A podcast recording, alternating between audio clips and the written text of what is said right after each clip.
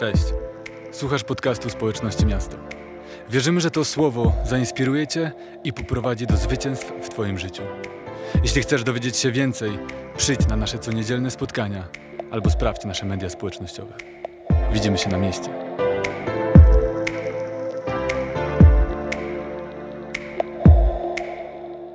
Jesteśmy w serii Tacy jesteś, dalej w serii Tacy jesteśmy. Takie pytanie w ogóle, ktoś zaczął oglądać ten serial? Tacy jesteśmy?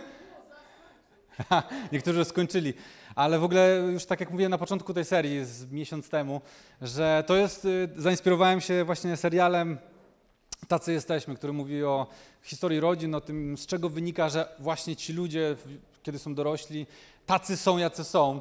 I oczywiście tak naprawdę ta seria nie nawiązuje do treści tego serialu, ale nawiązuje w tym sensie, że w tej serii e, chcę mówić o tym, jaki jest ten Kościół. Chcę przypomnieć nam wszystkim, jaki jest ten Kościół. Mówiliśmy o wizji, czyli dlaczego robimy to, co robimy. Mówimy o, mówiliśmy o misji, czyli co robimy, a od zeszłego tygodnia mówimy o kulturze, czyli jak robimy to, co robimy. Mówiliśmy o hojności. Dzisiaj, kochani, pasja.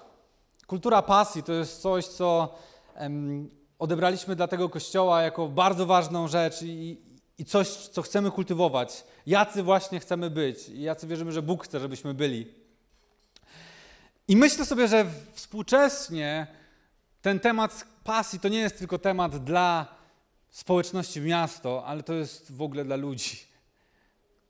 To jest w ogóle dla ludzi, dla nas wszystkich. Bo wiecie, wiele razy było tak, że widziałem chrześcijan, dobrych, zachęconych, pełnych pasji właśnie, entuzjazmu co do ich powołania, co do ich życia w jakimś sezonie, ale z czasem zabrakło im właśnie entuzjazmu, sił, pasji i wyczerpanie sprawiło, że zabrakło sił, by dalej biec w tym długodystansowym biegu, którym jest nasza wiara, w którym jest droga wiary, droga naśladowania Jezusa. Często nawet ci ludzie nie wiedzieli, dlaczego stracili tę pasję, stracili ten entuzjazm, stracili to przekonanie do tego, co robią. Albo zadowolili się jakimiś łatwymi odpowiedziami. A wiesz, no, pokłóciliśmy się tam, nie dogadałem się, nie podobało mi się. To już nie jest to samo, co kiedyś było w tym kościele czy w tej społeczności. Wiecie, to są proste odpowiedzi. Proste odpowiedzi, których efekt okazuje się, że może doprowadzić kogoś do miejsca, w którym to, co kiedyś było treścią jego życia, że z butów się wyrywał do tego, żeby głosić Jezusa, żeby opowiadać innym, żeby widzieć Jego działanie, nagle staje się tylko wspomnieniem. Z czasem staje się tylko wspomnieniem. To jest historia, którą widziałem nieraz. Byłem liderem w młodzieżowej wspólnoty. I pamiętam, że Duch Święty poruszał się tam w niesamowity sposób. Widzieliśmy tam cuda, po prostu nastolatkowie widzieliśmy, jak Bóg działa, jak Bóg uzdrawia, języki, tłumaczenia, proroctwa, potwierdzenia proroctw, wszystko tam się działo. Ale tak mało osób do dziś, po nastu latach, jest w tym samym miejscu oczekiwania, pasji, przekonania, entuzjazmu, wdzięczności. Co się stało? No właśnie. Jak to się stało? Niestety to jest bolesna prawda o współczesnym zachodnim chrześcijaństwie i o współczesnej zachodniej kulturze. Że my żyjemy szybko i ścigamy się nawet z innymi, nawet nie przyznając się do tego. Nasze telefony to jest to miejsce, które sprawia, że, że zaczynamy się ścigać, nawet nie przyznając się do tego. Patrzymy na jakieś fragmenty życia innych ludzi, budujemy z tego jakieś własne oczekiwania, własne przekonania, własne ambicje, własne dążenia.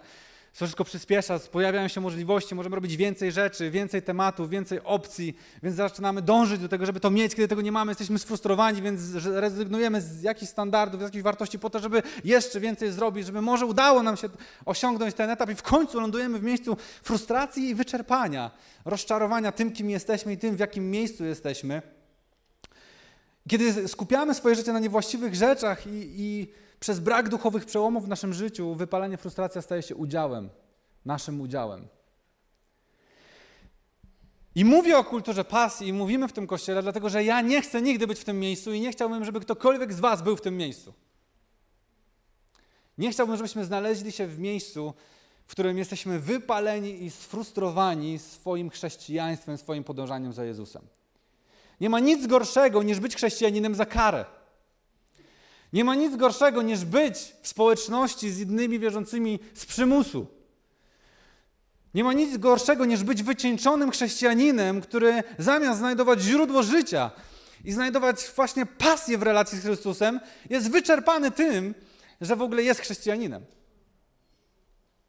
To jest coś, czego nie chcemy w tym kościele i nie chcę, w ogóle tego nie chcemy, nie wiem tylko w tym kościele.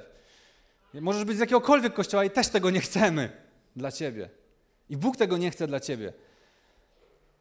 Jednocześnie, kochani, kultura pasji to nie znaczy, mamy kulturę pasji, więc miej pasję. Wiecie, że tak tego tutaj nie robimy. Choć byłoby to łatwiejsze. Miej pasję, bo chcemy, żeby ten kościół był pełen pasji. Ale nie robimy tego w ten sposób. Kultura pasji nie polega na tym, że powiemy ci miej pasję, tylko polega na tym, na kulturze, w której dbamy o to, by robić to, co sprawia, że właśnie tacy jesteśmy. By znajdować odpowiedzi, by znajdować rozwiązania. Jak znowu być w miejscu pasji i przekonania, ekscytacji naszą wiarą, tego entuzjazmu i zachęty, radości z tego, że jesteśmy tutaj, że gromadzimy się tutaj, radości z tego, że służymy, radości z każdego naszego dnia.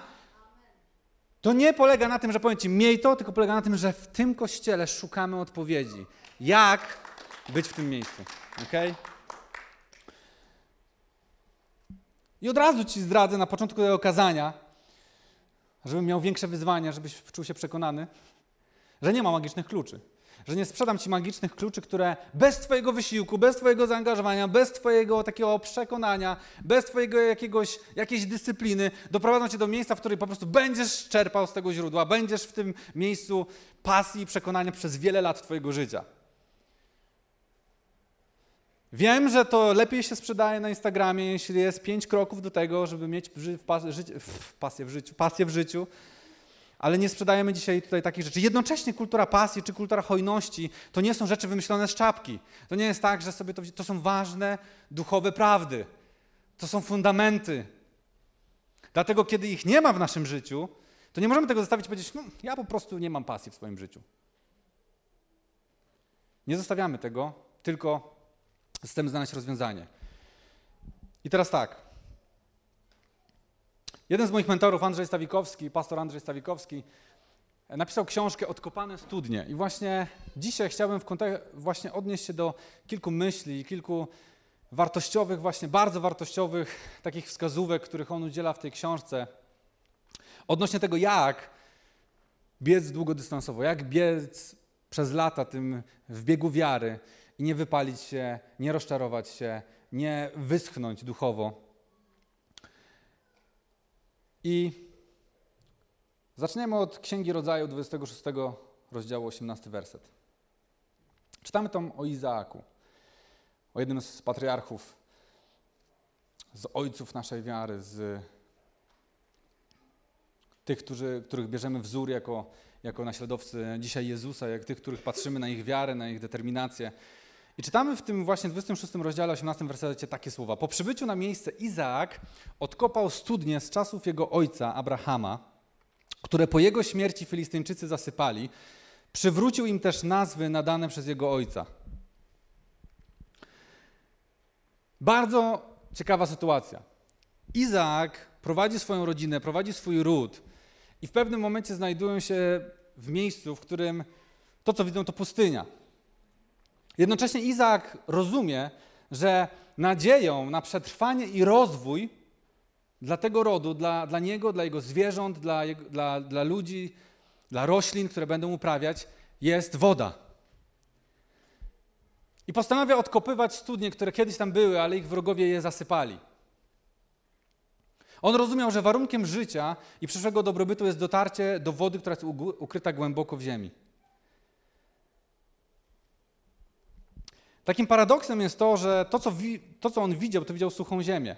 Ale pod suchą ziemią znajdują się głęboko ukryte życiodajne źródła. I teraz niedoświadczony lider, przywódca, niedoświadczony podróżnik mógłby stwierdzić, tutaj nic nie ma, musimy iść dalej i szukać jakiejś krainy, musimy szukać jakiegoś miejsca, w którym w końcu będzie woda, będzie jakaś studnia i będziemy mogli przetrwać. Natomiast Izaak prowadzony wierzę, że przez Ducha Bożego, on wiedział, że w tym miejscu były studnie, więc one tam muszą być ukryte. Więc zamiast wędrować dalej, szukać jakiejś lepszej krainy, jakiegoś lepszego miejsca, on postanawia kopać. On postanawia kopać. I jak to jest obraz naszego duchowego życia, wiecie? Że my często mamy Boże marzenia i, by, i, i takie pragnienia, ale bywamy zmęczeni. Zaczyna w nas coś wysychać, zaczynamy tracić siły, tracić energię, nie mamy siły już na, na, na rozwój, na kolejne próby, tracimy naszą pasję. I szukając odświeżenia, przemierzamy długie dystanse w swoim życiu duchowym. Jesteśmy wodzeni różnymi zmieniającymi się trendami.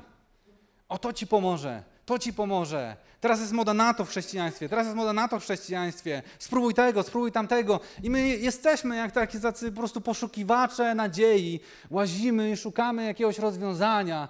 Takie książki, takich nauczycieli, takich nauczycieli. Tymczasem życiodajne źródło jest pod Twoimi stopami.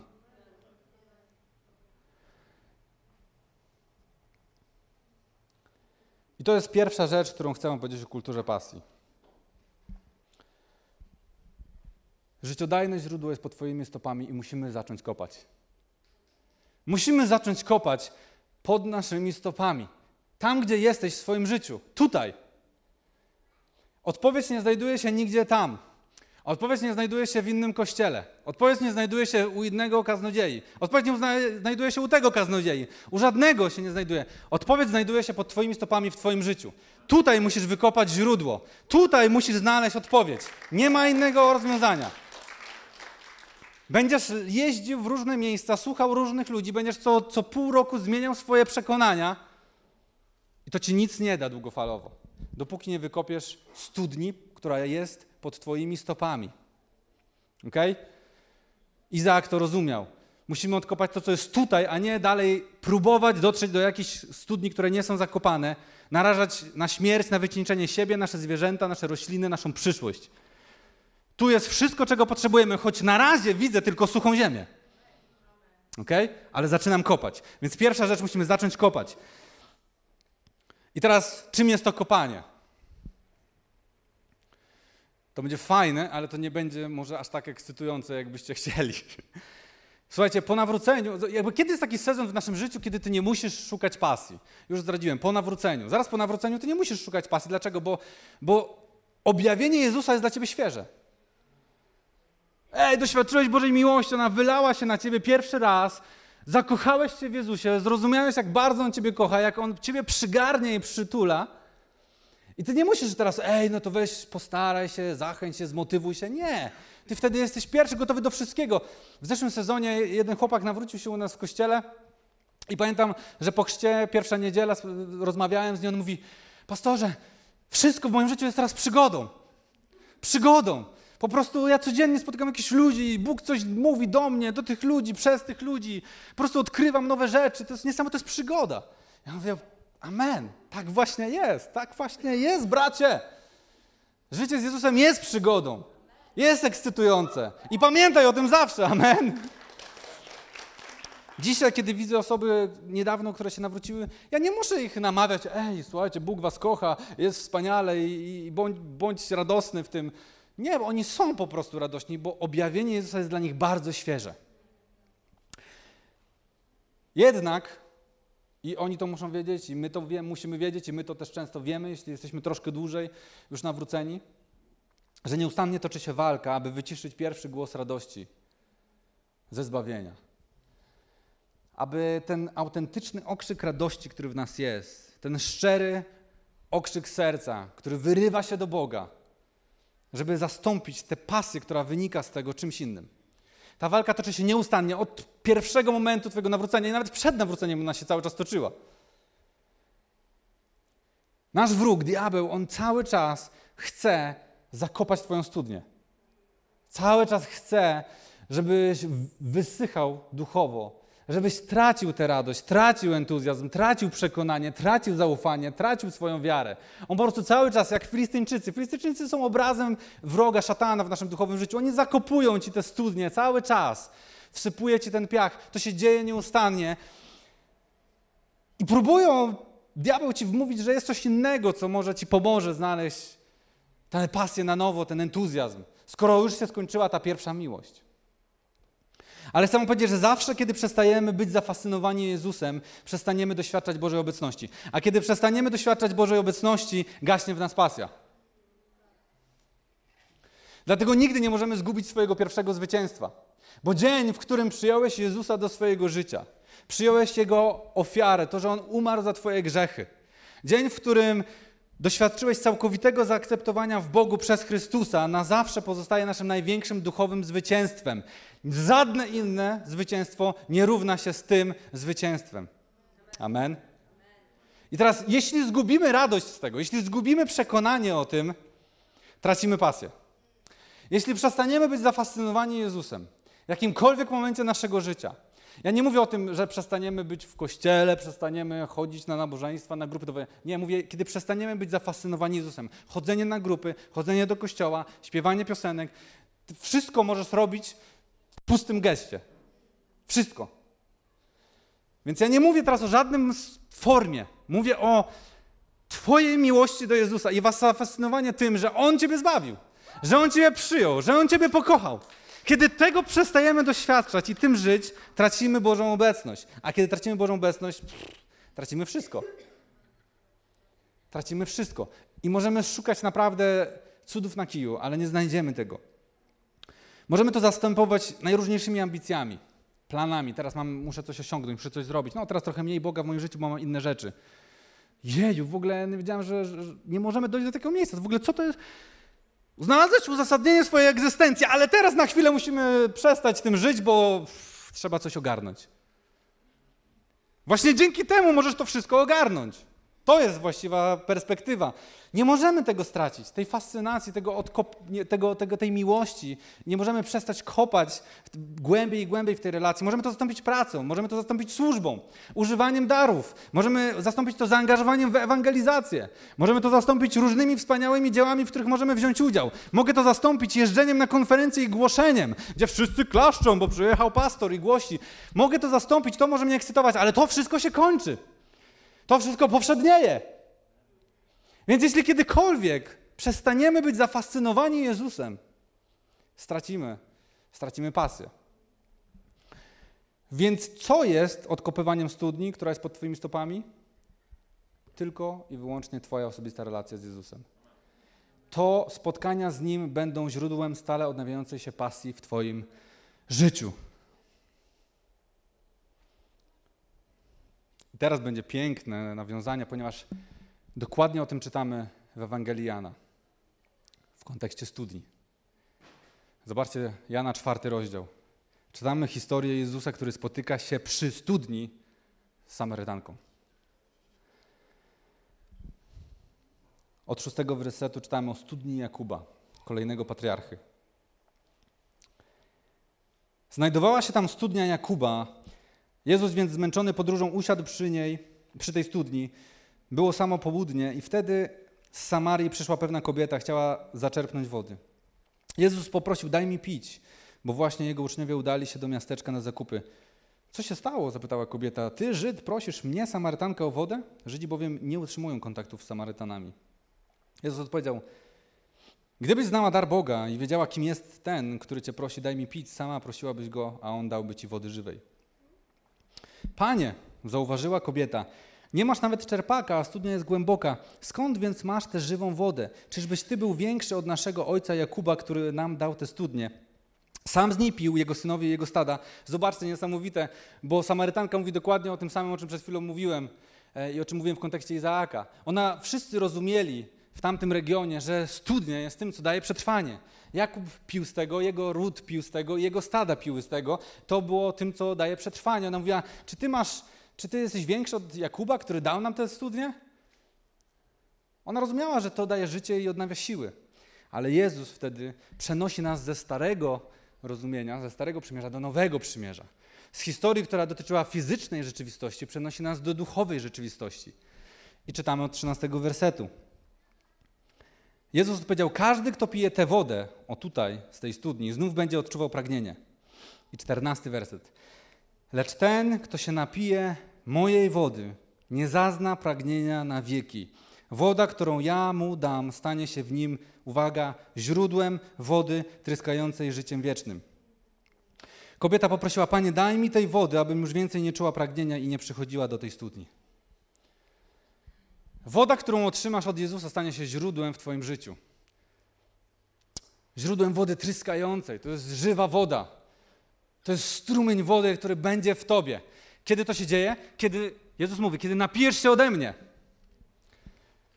Teraz tak, nie ode mnie, nie od zespołu, nie od ludzi na grupie domowej, kiedy napijesz się tego od Jezusa. Więc kopaniem Twojej studni w duchowej rzeczywistości jest Twoje spotykanie się z Nim. Harry o tym mówił, kiedy mówił o naszej misji. Mówił o tym, że uczniostwo, dojrzewanie w wierze, głębia naszej wiary bierze się z przyglądania się Jezusowi blisko, w tym secret place, w komorze naszej modlitewnej. I zobaczcie, to wszystko jest całością, to wszystko się wiąże. Tydzień temu mówiłem o kulturze hojności, która jest nierozerwalnie związana z tym, że jesteśmy wspólnotą uwielbienia. Kultura pasji jest nierozerwalnie związana z tym, że jesteśmy wspólnotą uczniowską. Dlatego, że nasza pasja i źródło wody żywej w Tobie, ten, to źródło, które nigdy nie wyschnie, bierze się tylko i wyłącznie z Twojego spotkania z Jezusem, Twojego spotykania się z Jezusem. Nie musisz chodzić już w sensie fizycznym do jakiejś studni, nie musisz chodzić już do jakichś innych, szukać rozwiązań, które wzbudzą w Tobie pasję i ekscytację. Jezus mówi, przyjdź do mnie i pij ode mnie, a wtedy w Tobie znajdzie się źródło niewyczerpalne wody tryskającej życiem wiecznym. Kopaniem, odkopywaniem naszej studni jest spotykanie się z Nim. Świeże objawienie Jezusa stanie się w Tobie źródłem. I teraz uwaga, nie ma innego rozwiązania. Jeżeli ja Ci powiem takie kazanie, że z kapci wypadniesz, zespół zrobi takie uwielbienie, że po prostu padniesz pod mocą, to chcę Ci powiedzieć, że ostatecznie to wszystko wyschnie. Wszystko wyschnie, jeśli nie będzie później podłączone do źródła, którym jest Jezus.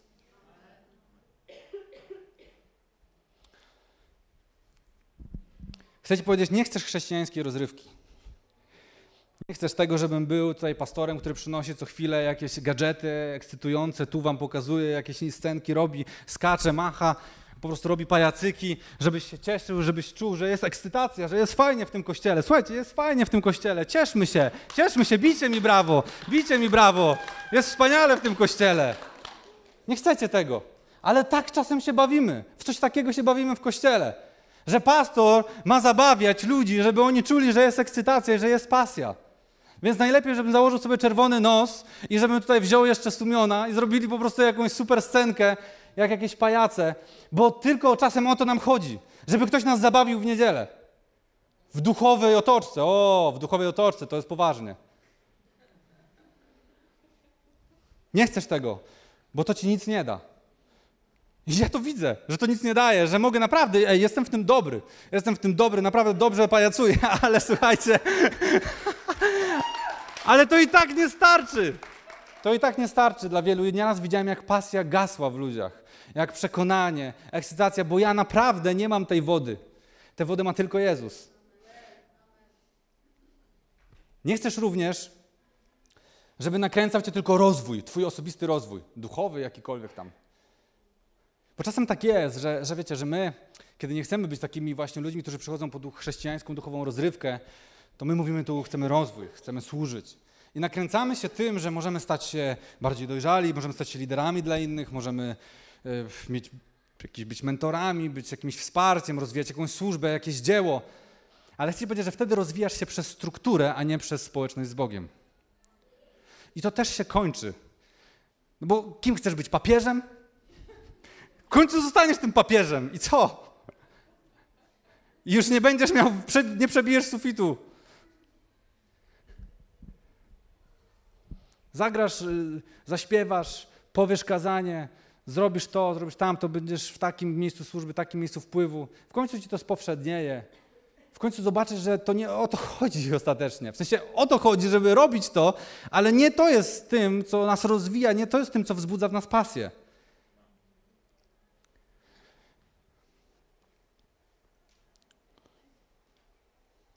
To jest bazowanie na tym, co jest tak naprawdę tylko cielesne, a bazowanie na tym, co cielesne, zawsze doprowadzi do wysychania naszej studni.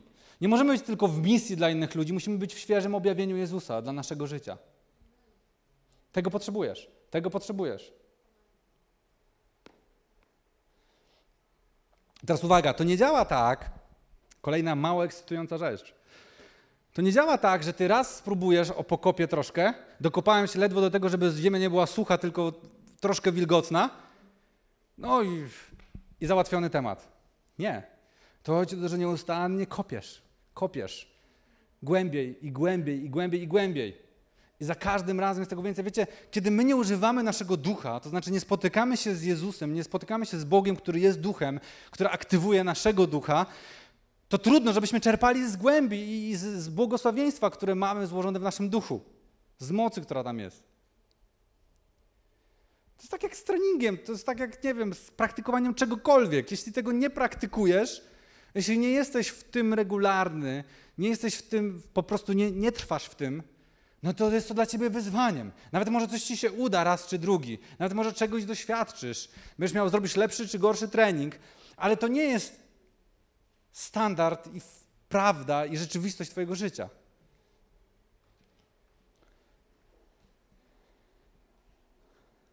Im więcej będziesz zczerpał swojego ducha, tym w lepszej będziesz formie, gwarantuję ci. Gwarantuję ci. I teraz, teraz będzie może kontrowersyjnie. Nie wierz w to, nie wierz w to, że nic nie musisz robić, bo jest łaska. To jest zwiedzenie.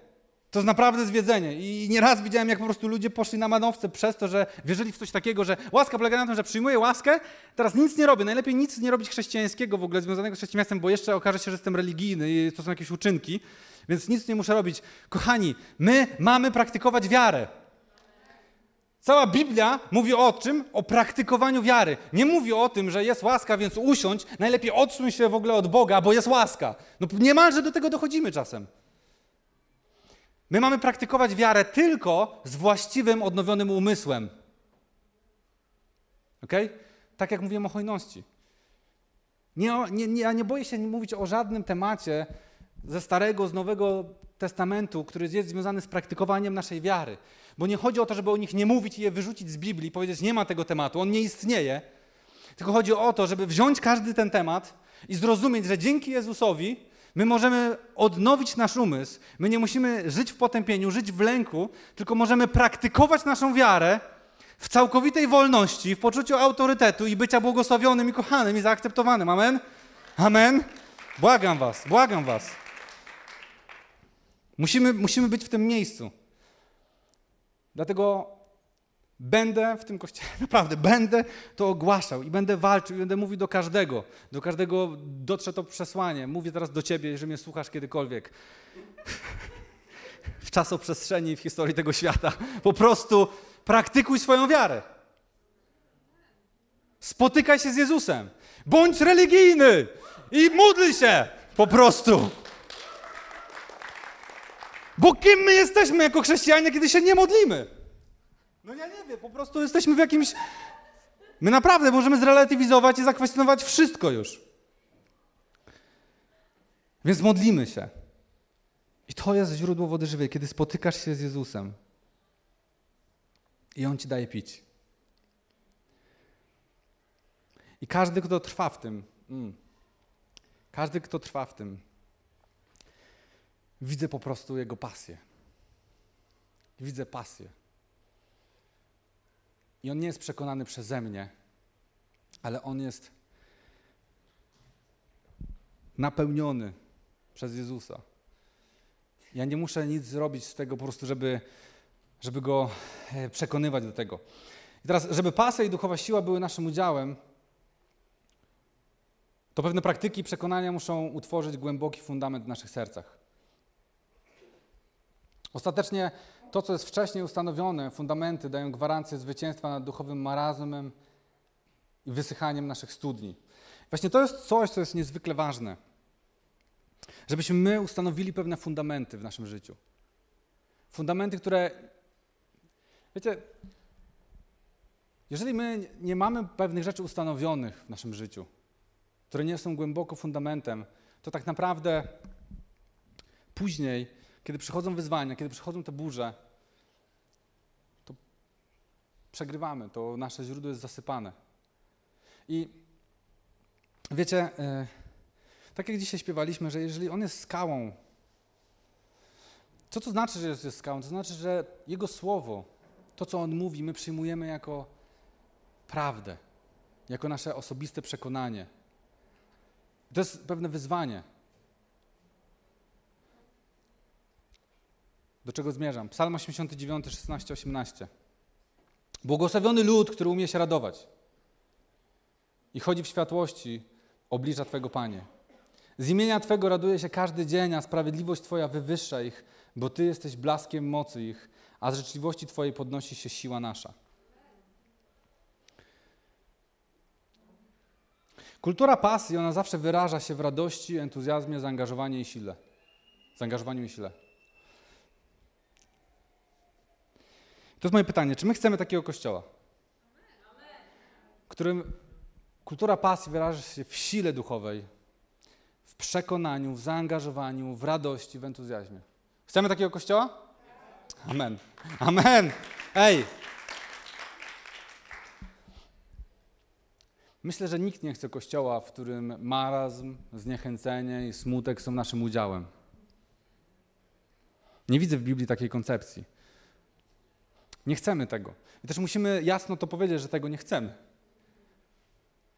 To nie znaczy, że to się nie zdarza, to nie znaczy, że to się nam nie przytrafia, to nie znaczy, że czasem wpadamy w taki stan, ale musimy też nazwać jasno, że to nie jest to, czego chcemy. I teraz patrzcie, pasja i duchowa siła biorą się z radości. Radość bierze się z wdzięczności. Wdzięczność z pamięci o Bożej wierności. Te rzeczy wynikają wynikają z siebie nawzajem. Pasja i duchowa siła rodzą się z radości. Radość bierze się z wdzięczności. Wdzięczność bierze się z pamięci o Bożej wierności. Co mam na myśli, kiedy mówię, że radość to nie jest to samo, co bycie, znaczy, że, że radość bierze się z wdzięczności? To, i, I co mam na myśli, kiedy mówię o radości w ogóle? Radość to nie jest to samo, co bycie wesołym czy zadowolonym. Bycie wesołym czy zadowolonym to jest, są rzeczy oparte na okolicznościach, na sytuacji, w której się znajdujemy. Ktoś zażartował, jestem wesoły, coś mi się układa, więc jestem zadowolony z tego, co się dzieje. Radość w rozumieniu biblijnym nie jest dla mnie czymś takim. To jest wesołość. I teraz nawiązuję do tego, co powiedziałem przed chwilą. My musimy ustalić pewne fundamenty i fundamentalne przekonania związane z tym, związane z tym, w co wierzymy. Więc musimy ustalić, czym jest radość, kiedy mówimy w Kościele o tym, o radości, z której bierze się siła i pasja. Radość jest głęboko zakorzenionym przekonaniem, że bez względu na okoliczności, rzeczywistość nieba i duchowe błogosławieństwo są dla mnie prawdziwe. W Bożym rozumieniu, w biblijnym rozumieniu to jest dla mnie radość. Nie bycie wesołym. Bycie wesołym jest, raz, raz go nie ma, jest zależne od okoliczności. Radość jest głęboko zakorzenionym przekonaniem, że bez względu na okoliczności rzeczywistość nieba i duchowe błogosławieństwo są dla mnie prawdziwe. I teraz słuchajcie, z czego to się bierze? Z tego, że jesteś, spotykasz się z Jezusem. Że wiesz o tym, kim On dla ciebie jest, że pamiętasz o tym, że On ciebie zbawił, że On otworzył niebo nad tobą. Mówiliśmy o tym tydzień temu, o tym objawieniu, które miał Jakub, że niebo jest nad nim otwarte, że jest w Betel. Dlatego w księdze Nehemiasza czytamy 8 rozdział, 10 werset. Dlatego nie smućcie się, gdyż radość Pana jest waszą siłą.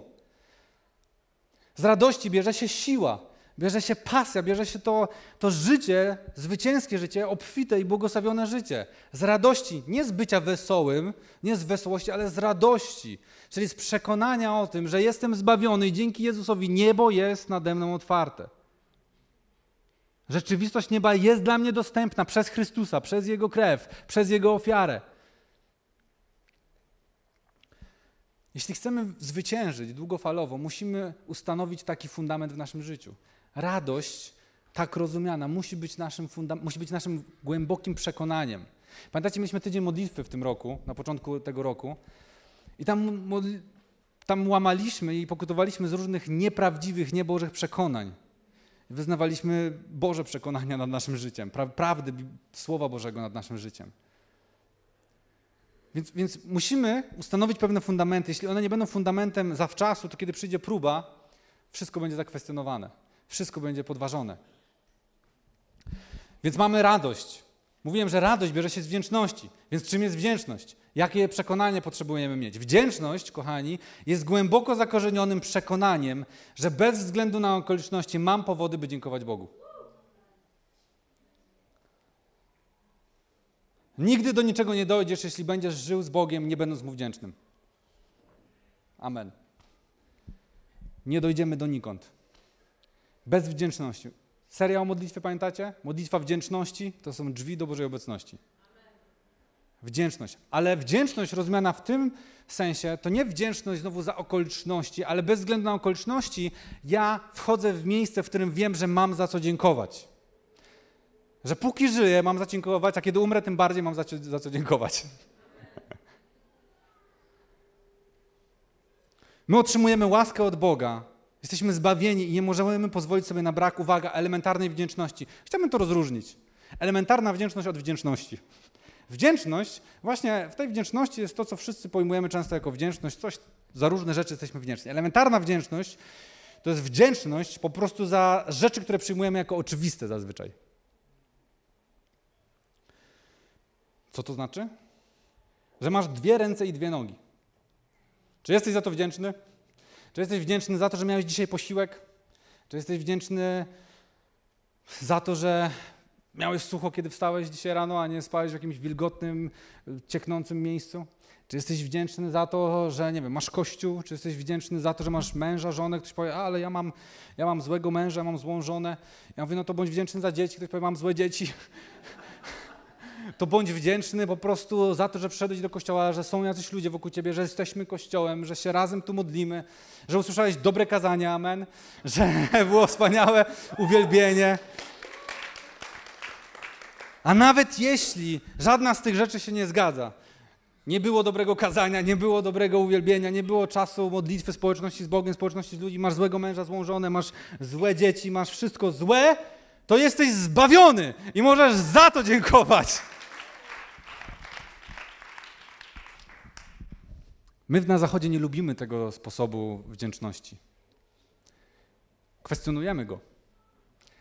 Ale kwestionujemy go, bo, bo, bo, zmagamy się z różnymi rzeczami, jest nam ciężko i ja nie kwestionuję tego, że jest nam ciężko.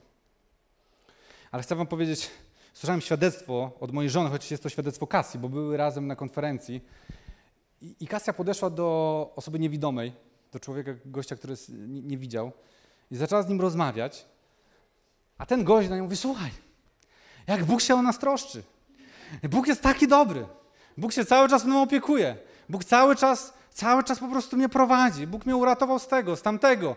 I w ogóle, i to poruszyło Kasję. Potem opowiedziała to dziewczyną. To niesamowicie poruszyło dziewczynę, a dzisiaj mnie to poruszyło, kiedy przy śniadaniu mi to opowiedziała moja żona. I pomyślałem sobie o tym, no właśnie to jest elementarna wdzięczność, bo ten człowiek nie widzi. Ten człowiek jest pozbawiony czegoś, co jest dla nas oczywistym i kluczowym w naszym codziennym życiu. Ale on podchodzi do niego osoba, która widzi, a ten do niej mówi, ale słuchaj, musisz być, musimy być wdzięczni, Bóg jest niesamowity, się o nas tak troszczy, jest opiekuńczy. Come on.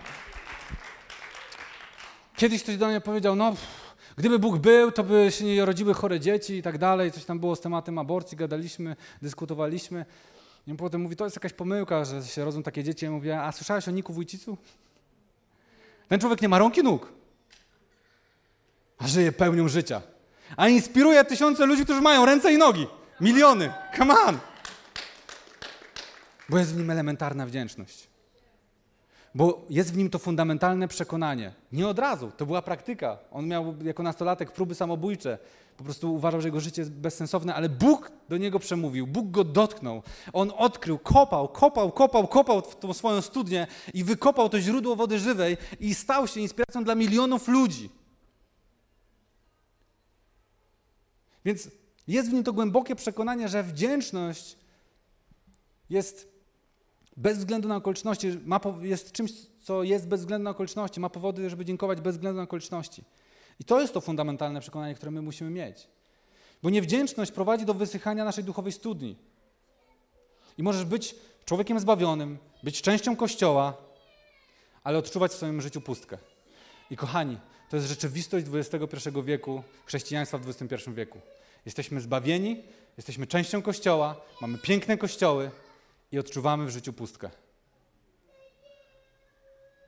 Jednym z tych elementów jest niewdzięczność. Niewdzięczność, nie, elementarna niewdzięczność. Zobaczcie, co napisał psalmista w tym 89 psalmie. Błogosławiony lud, który umie się radować, a więc to jest pewna sztuka. To nie jest tak, że radość y, po prostu to jest pewna sztuka, żeby wejść w to objawienie, żeby wejść w to przekonanie, żeby wyrzucić te nieprawdziwe przekonania ze swojego życia i wejść w te przekonania związane z radością, o których mówiłem, czy z wdzięcznością, o, którym, o których mówiłem. Żeby to były fundamenty, na których my budujemy. Więc kiedy mamy pamięć o Bożej wierności, o tym, co On dla nas zrobił, co mamy, ta elementarna, to rodzi wdzięczność. Ta wdzięczność rodzi radość. Radość rodzi duchową siłę i pasję. Więc pasja jest wynikiem duchowej. Aha, chciałem przejść do kolejnego rzeczy, ale wiecie, podzielę się świadectwem takim z mojego życia, bo chciałbym, żebyście też zrozumieli, że naprawdę każdy z nas ma problemy i ma wyzwania. Ja w swoim życiu też mam problemy, wyzwania, ciężary. W każdym obszarze relacyjnym, zawodowym, finansowym, kościelnym, duchowym, każdym, jaki sobie wyobrazisz. I myślę, że każdy z nas ma. Nie ma sensu wartościować i porównywać tego. Zawsze mam problemy i trudności, ale skupiam się na tym i walczę o to, żeby na koniec dnia patrzeć na to, co Bóg dobrego zrobił. Nawet jak moje emocje mi o tym nie wskazują. Kiedy wyrażam w modlitwie wdzięczność, to wprowadza mnie w Bożą obecność.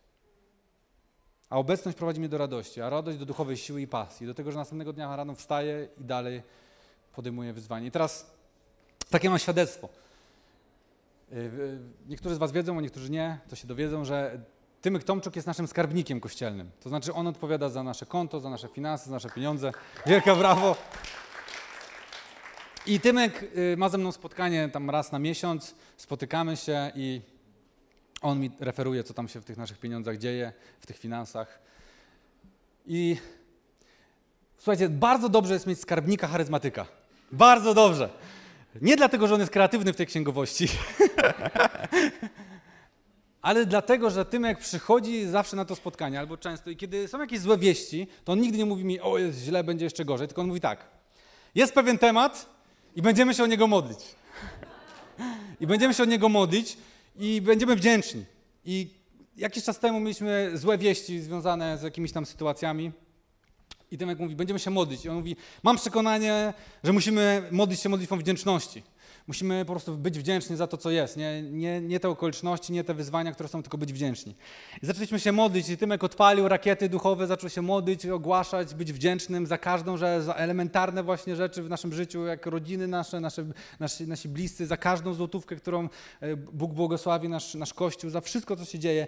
I wiecie, to był taki dzień, w którym ja naprawdę byłem przygnieciony różnymi informacjami, ale ta modlitwa z Tymkiem zmieniła całkowicie całkowicie atmosferę, całkowicie zmieniła duchową atmosferę i duchową rzeczywistość. I chcę wam powiedzieć, że tamta modlitwa, to było w wakacje, była też dla mnie bardzo dużym przełomem w pewnych tematach i w patrzeniu na pewne tematy, jeśli chodzi o, o przyszłość, jeśli chodzi o wyzwania, które są w naszym życiu. I to się zaczęło od tego, że, że Tymek zaprosił mnie do takiej charyzmatycznej, potężnej modlitwy wdzięczności e, za najmniejsze rzeczy. E, I trwaliśmy w tej wdzięczności, dopóki nie doświadczyliśmy przełomu. Amen? Księgowi charyzmatycy to jest to, co polecam każdemu pastorowi, każdemu e, kościołowi. Więc pasja jest wynikiem duchowej praktyki, tak jak powiedziałem, pewnych fundamentalnych przekonań, które kształtują nasz sposób myślenia, chociażby o radości czy wdzięczności. I teraz mała taka jeszcze dygresja no, przed samym zakończeniem. Jeśli dzisiaj jesteś w miejscu, w którym nie radzisz sobie ze swoimi emocjami, ze swoją codziennością, nie masz absolutnie siły do tego, żeby walczyć o jakieś nawyki właściwe, nie rozumiesz tego, co się dzieje w tobie, co się dzieje z tobą, to chcę ci powiedzieć, że potrzebujesz skorzystać z pomocy specjalisty. Potrzebujesz diagnozy. Potrzebujesz, żeby ktoś powiedział, co się z tobą dzieje. Tego potrzebujesz. I, i my jako Kościół będziemy Cię wspierać w tym. Będziemy Cię wspierać w tym, że, żebyś wyszedł z choroby. Tak, jeżeli, jeżeli ktoś u nas w kościele choruje na nowotwór, to my wspieramy go najpierw, żeby wyszedł z tej choroby. żebyśmy zwyciężyli to. I nie mówimy mu nie idź do lekarza. Idź do lekarza, my się tu modlimy i czekamy na rozwiązania naturalne i naturalne. Więc jeżeli dzisiaj jesteś w miejscu, w którym chorujesz, albo nie wiesz, że chorujesz, ale to, o czym ci mówię, tylko wzbudza twój dystans, zniechęcenie, ponieważ nie masz na to w ogóle sił i w ogóle to nie jest miejsce, w którym jesteś, ja jestem w stanie to zrozumieć. Potrzebujesz wyjść z tej choroby. I my wtedy chcemy zająć się tym, że walczysz z jakąś chorobą, walczysz z chorobą Twojej emocji, Twoich duszy. Będziemy Ci pomagać. Od tego jest Kościół. Jednocześnie nie możemy pomieszać tego stanu z tym, że jako chrześcijanie musimy praktykować. Musimy mieć przekonania co do wdzięczności, co do radości, bo to jest Słowo Boże i, i potrzebujemy tego. Więc najpierw zajmiemy się tym, żebyś wyszedł z choroby, a później zajmiemy się ustanawianiem fundamentów. I chcę wam powiedzieć, w tym kościele mamy świadectwa tego, że ludzie wyszli z choroby i Kościół wspierał ich z tego, a teraz zajmują się tym, żeby ustanawiać właściwe standardy, właściwe przekonania w swoim, w swoim życiu, żeby ustanawiać przekonania co do wdzięczności, co do radości i trwać w tym. Więc jeśli jesteś tutaj, to nie odrzucaj tego, tylko zajmij się tym, co jest tutaj, żeby później móc zająć się tym, co jest tutaj. Czyli praktyką, czyli ustanawianiem kultury pasji w Twoim życiu i w tym kościele. Ok? Ok? I to, że jesteś tutaj, nie, nie jest najmniejszym problemem dla kościoła. Chcę, żebyś o tym wiedział.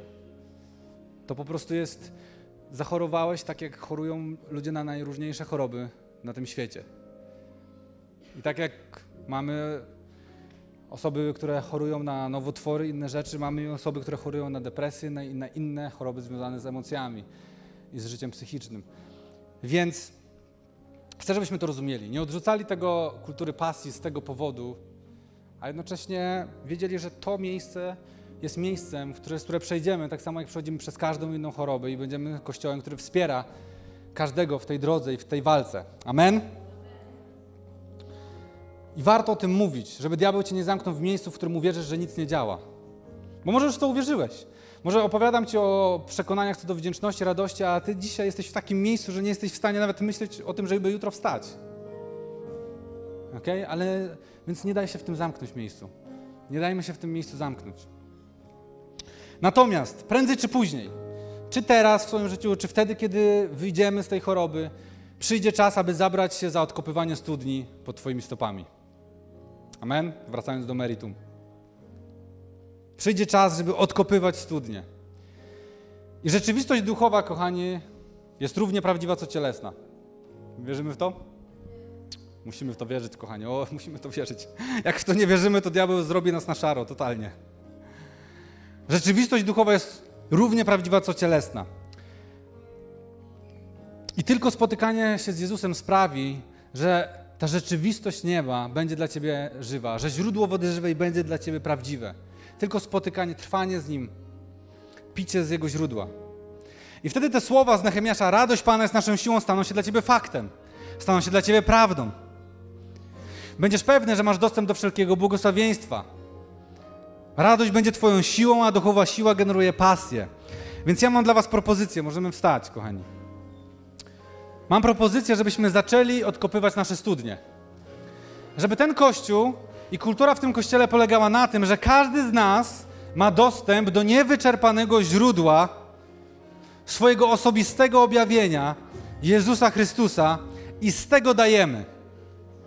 I niech to będzie naszą kulturą. I czasem będziemy przyspieszali jako Kościół, czasem będziemy zwalniali, czasem będzie więcej się działo, czasem mniej, ale jedną rzecz musi być pewna, że każdy z nas odkopał swoją studnię. Bo jeśli ktokolwiek z nas nie odkopie tej studni, to będziemy po prostu dawali z niczego, będziemy nie mieli z czego dać. Więc najważniejsze jest, abyśmy kopali, kopali, kopali, bo z tego bierze się nasza, nasza pasja. Tu jest miejsce źródła wody żywej. Twoje osobiste spotkanie z Jezusem, więc dzisiaj Boże modlę się o to, aby każda osoba na tym miejscu miała swoje osobiste spotkanie z Jezusem. Miała świeże objawienie tego, kim jesteś. Twojej miłości, Twojej łaski, Twojej prawdy, pasji, która jest w Tobie do nas. Boże, nie chcemy dawać czegokolwiek innego, chcemy dawać z naszych własnych studni, które wykopujemy, które odkrywamy i które Ty napełniasz, które Ty zalewasz swoją miłością, które Ty zalewasz swoją dobrocią, które Ty zalewasz swoim błogosławieństwem w imieniu Jezusa. Amen.